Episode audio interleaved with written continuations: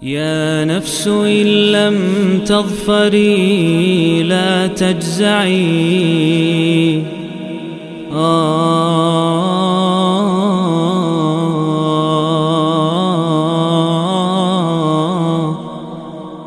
بسم الله الرحمن الرحيم الحمد لله والصلاة والسلام على رسول الله أما بعد masih bersama serial 114 hari menyambut bulan Ramadan.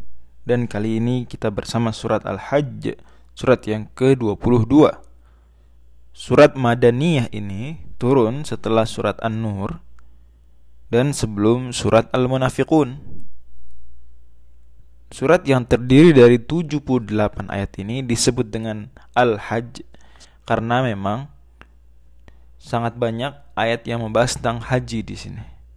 Mulai dari ayat 25 sampai 37.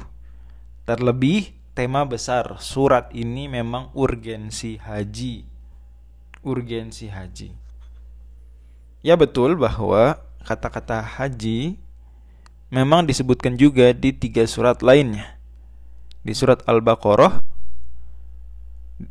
di surat Ali Imran cuma di Ali Imran dengan kata-kata hijjul baiti hijju kasrohnya walaupun dalam kirat lain hajjul baiti tapi kirat kita riwayat kita hafaz an Asim hijjul baiti kasroh tapi sama maknanya kemudian di surat At-Taubah ya disebutkan juga sekali hanya saja ketiga surat tersebut tidak dinamai dengan surat Al-Hajj Sebab di surat-surat tadi ada bahasan-bahasan lain yang lebih panjang. Di surat-surat tersebut ada hal-hal lain yang lebih unik. Ya, lebih khas.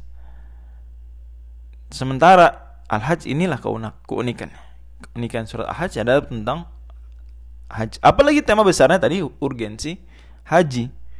Di mana kalau kita lihat ya di surat ini Allah Subhanahu wa taala pertama dari ayat 25 sampai 37 tersebut menyebutkan mulai dari kemuliaan tanah haram. Ya.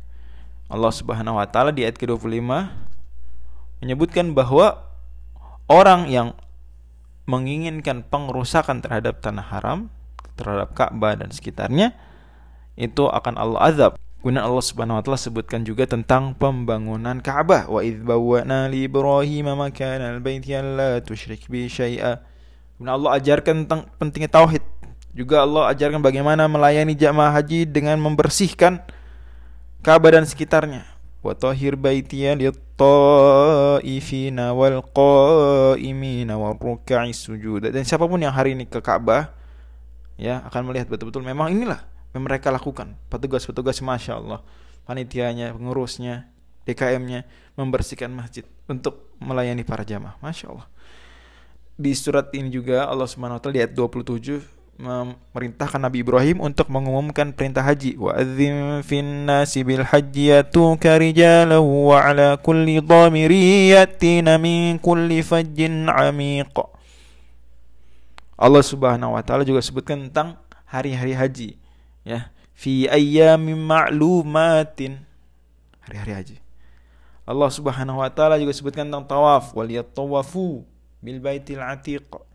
Allah sebutkan tentang mas ya tempat-tempat masyair tempat-tempat haji titik-titik perpindahan jamaah haji sebutkan tentang kemuliaannya sebutkan tentang hadi penyembelihan kurban yang merupakan rangkaian dari ibadah haji dan rangkaian juga dari Idul Adha Allah Subhanahu wa taala sebutkan manfaatnya, manafi'u. Ya lakum fiha manafi'u. Bahwa haji ini ada banyak manfaat. Allah sebutkan juga tentang mansak, nusuk, manasik. Ya, agar mengingat Allah, bertalbiyah. Ya. Allah bahkan agak merinci ya, cukup rinci ketika membahas tentang mekanisme cara mau nyembelih hewan ketika haji. Masya Allah. Allah sebutkan juga di ayat 37 yang sampai kepada Allah bukan darah dan dagingnya, tapi yang sampai kepada Allah adalah takwa minkum. Ketakwaan kalian. La yanallahu luhumuha wala dima'uha walakin yanaluhu taqwa minkum. Takwa. Allah sebutkan kadzalika sakhara lakum litukabbirullah. Akhir kalian bertakbir. Masya Allah. Nah kalau kita lihat awal surat Al-Hajj Allah perintahkan takwa. Ya ayuhan nasu taqu rabbakum. Inna zalzalata sa'ati syai'un azim. Perintahkan takwa. Kemudian Allah sebutkan orang-orang bertakwa dan orang yang tidak bertakwa dan orang yang melakukan kemusyrikan dan Masya Allah. Di akhir surat Allah Subhanahu wa taala perintahkan lagi untuk kita menjalankan aktivitas yang dilakukan oleh orang-orang bertakwa. Ya ayyuhalladzina amanu ruk'u wasjudu wa'budu rabbakum waf'alul khaira la'allakum tuflihun. Allah perintahkan wajahidu fillahi haqqa jihadi. 78. Berjihadlah dengan jihad yang sungguh-sungguh. Nah. Kemudian Allah tegaskan lagi di akhir surat tentang icon. Salah satu icon penting haji yaitu Nabi Ibrahim alaihissalam. Allah bilang, Millata abiikum Ibrahim. Allah juga sebutkan bahwa penamaan nama Islam kaum muslimin itu sudah dari dulu. Sebelum Nabi Muhammad pun ajaran ini adalah ajaran Islam sama dari Nabi Adam. Allah firmankan, huwa sammakumul muslimina min qablu wa fi hadha dan itu kalau kita bayangkan momen haji itu kita betul akan sadar huwa sammakumul muslimina min qablu fi sudah nggak ada tidak nampak lagi. Ya betul masih ada identitas tersebut dan tidak tercela.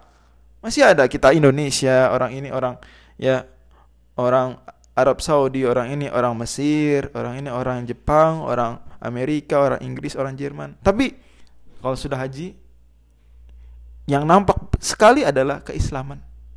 Huwa sammakumul muslimina min qablu wa fi.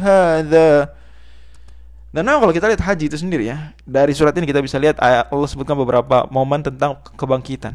Nah, karena memang haji itu kita akan ingat hari berbangkit. Semua orang berkumpul ramai, semua sama, presiden, menteri, apa semua sama. Ya. Masya Allah. Kita akan ingat hari berbangkit. Kita akan ingat hari kiamat, orang lari, berjalan, berdesak-desakan. Kita akan ingat juga momen jihad. Begitu, ada tempatnya, ada jadwalnya ke sini ke sana, tertib rapi, nurut kepada aturan. Dan kita akan sadar betul-betul tentang takwa dan bagaimana beribadah. Makanya di surat ini ada dua ayat sajadah. Nabi SAW dalam hadis Tirmidzi ditanya oleh Uqbah bin Amir, "Ya Rasulullah, fudilat suratul haji bi anna fiha sajdatain?" Wahai Rasulullah, apakah surat Al-Hajj ini memang keistimewaannya ada dua ayat sajadah di dalamnya? Ini unik, unik surat Al-Hajj. Apalagi dia surat nomor 22 ya. Kata Nabi SAW, "Na'am." Ya. Wallahu alam bisawab.